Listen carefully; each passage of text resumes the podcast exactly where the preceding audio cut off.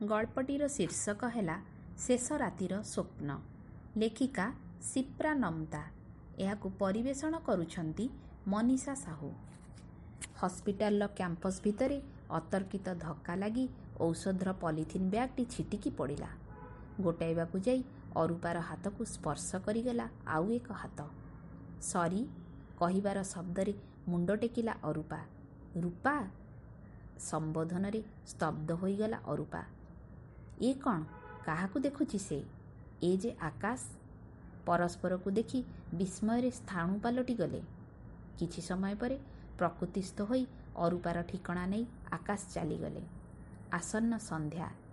ଅରୁପା ଘରେ ପହଞ୍ଚି ନିଜ କୋଠରୀରେ ଗୁମସୁମ୍ ହୋଇ ବସିଛି। ଦୀର୍ଘ ପାଞ୍ଚ ବର୍ଷ ପରେ ହଠାତ୍ ଏମିତି ଭାବରେ ଆକାଶଙ୍କ ସହିତ ଦେଖାହେବ ବୋଲି କେବେ କଳ୍ପନା କରିନଥିଲା ସେ। କିଛି ସମୟ ପାଇଁ ସୁଦୂର ଅତୀତରେ ହଜିଗଲା ଅରୁପା। ଅରୁପାର ବିବାହ ପ୍ରସ୍ତାବ ପଡ଼ିବା ପରଠାରୁ ଆକାଶ ସହିତ ତା'ର ସମ୍ପର୍କରେ ଭଟ୍ଟା ପଡ଼ିଥିଲା। ଏକମାତ୍ର କନ୍ୟା ପାଇଁ ଖୁବ୍ ପ୍ରତିଷ୍ଠିତ ଜ୍ୱାଇଁର ସନ୍ଧାନରେ ଥିଲେ ଆନନ୍ଦ ବାବୁ ତା'ର ବାପା। ସେ ଆକାଶକୁ ପସନ୍ଦ କରେ ଏବଂ ତାକୁ ବିବାହ କରିବାକୁ ଚାହେଁ। ସେ କଥା ବାବା ଗ୍ରହଣ କରିନଥିଲେ। ଶେଷରେ ବାପାଙ୍କ ଜିଦ୍ ଆଗରେ ଅରୁପାକୁ ହାର ମାନିବାକୁ ପଡ଼ିଥିଲା। କିନ୍ତୁ ବିଧିର ବିଧାନ ବଡ଼ ବିଚିତ୍ର।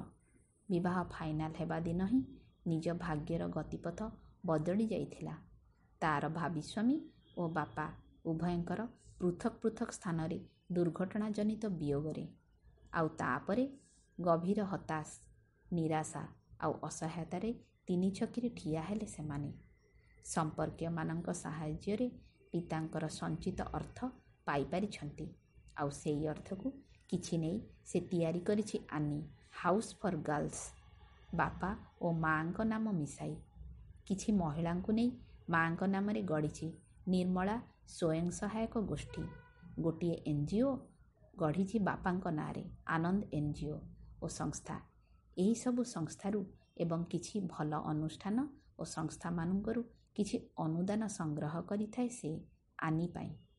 ଶିଶୁମାନଙ୍କ ଗହଣରେ ମା ନିର୍ମଳା ଦେବୀ ସବୁ ଦୁଃଖ ଭୁଲିବା ପାଇଁ ନିଜକୁ ଖୁବ୍ ବ୍ୟସ୍ତ ରଖିଛନ୍ତି ଓ ଅରୂପା ପାଲଟି ଯାଇଛି ଜଣେ ନାରୀ ନେତ୍ରୀ ଓ ସମାଜ ସେ ବି ଇତିମଧ୍ୟରେ।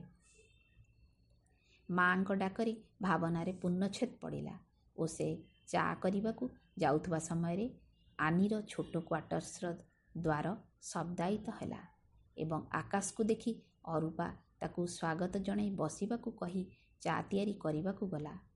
ଠିକ୍ ସେତିକିବେଳେ ନିର୍ମଳା ଦେବୀ ଆସିଲେ ଓ ଆକାଶର ପରିଚୟ ଜାଣି ବହୁତ ଖୁସି ହେଲେ।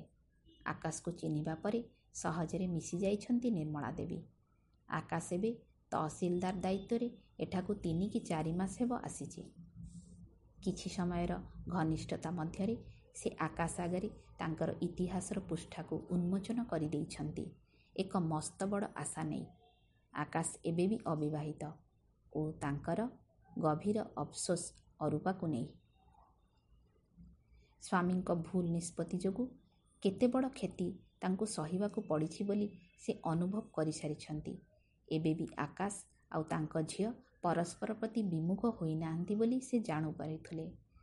ତେଣୁ ଚା ପିଇ ସାରିବା ପରେ ସେମାନଙ୍କୁ ଆଉ ଟିକେ ଘନିଷ୍ଠ ହେବା ପାଇଁ ଆକାଶ ରାତି ଖାଇବା ଏକାଠି ଖାଇକରି ଯିବେ ବୋଲି ଅରୂପା ଓ ଆକାଶ ଦୁହିଁଙ୍କୁ ତାଗିଦା ଦେଇ ସେ ଶିଶୁ ସଦନ ପଟେ ନର୍ସର ଆସିବା ଟାଇମ୍ ହୋଇଯିବ କହି ବୋଲି କହି ଚାଲିଗଲେ। ରୂପା ଆକାଶର ଡାକରେ ଚାହିଁଲା ଅରୂପା। ଆକାଶର ଆଖିରେ ସାଗରଠାରୁ ବି ଅଧିକ ଗଭୀରତା। ସେ ଆଖିରେ ମହାଶୂନ୍ୟର ସବୁ ଶୂନ୍ୟତାକୁ ପୂର୍ଣ୍ଣଚ୍ଛେଦ କରିଦେବାର ପ୍ରତ୍ୟୟ। ଖୁବ୍ ଦେଖିପାରୁଛି ସେ। ସେଇ ଡିସେମ୍ବର ଶେଷ ଜାଡ଼ୁଆ ଦିନରେ ବି କେମିତି ଝାଳୁଆ ଝାଳୁଆ ଲାଗୁଛି ତାକୁ। ତା ଦେହ ମନର ଅନେକ କାମନା ଆଶା ଆକାଂକ୍ଷା ନିର୍ବାସନ କରିଦେଇଥିଲେ ଏଇ ପାଞ୍ଚ ବର୍ଷ ଭିତରେ।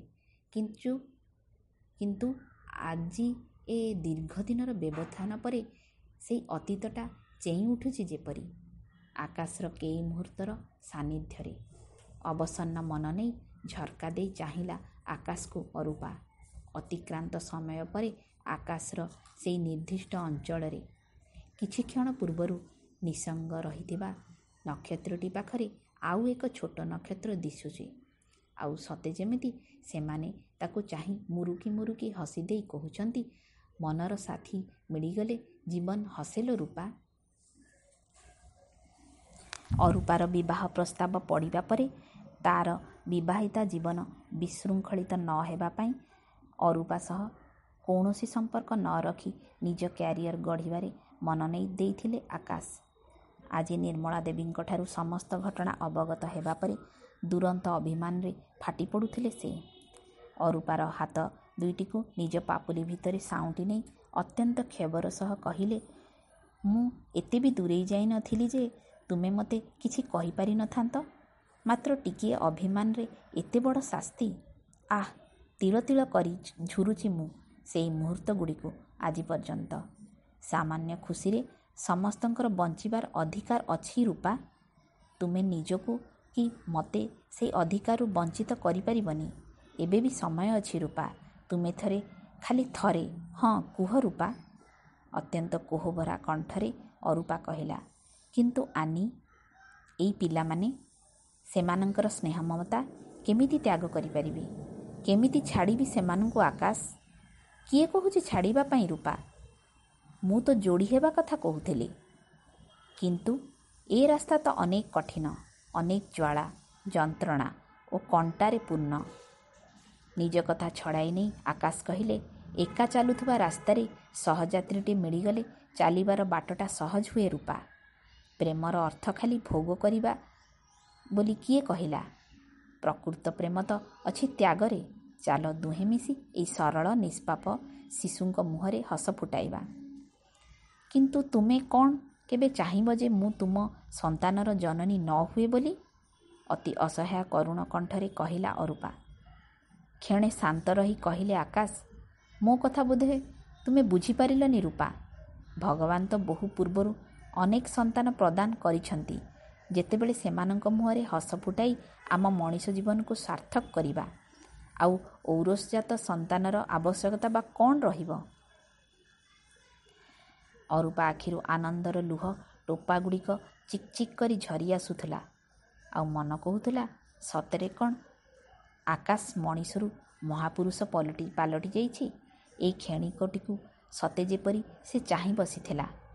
ଏକା ଏକା ଜୀବନ ଯନ୍ତ୍ରଣାରେ ଜର୍ଜରିତ ହେଲାବେଳେ କାହା କାନ୍ଧରେ ମୁଣ୍ଡ ରଖି ତତଲା ଲୁହ ଟିକେ ବୁହାଇ ଦେବାର ଶତ ଇଚ୍ଛା।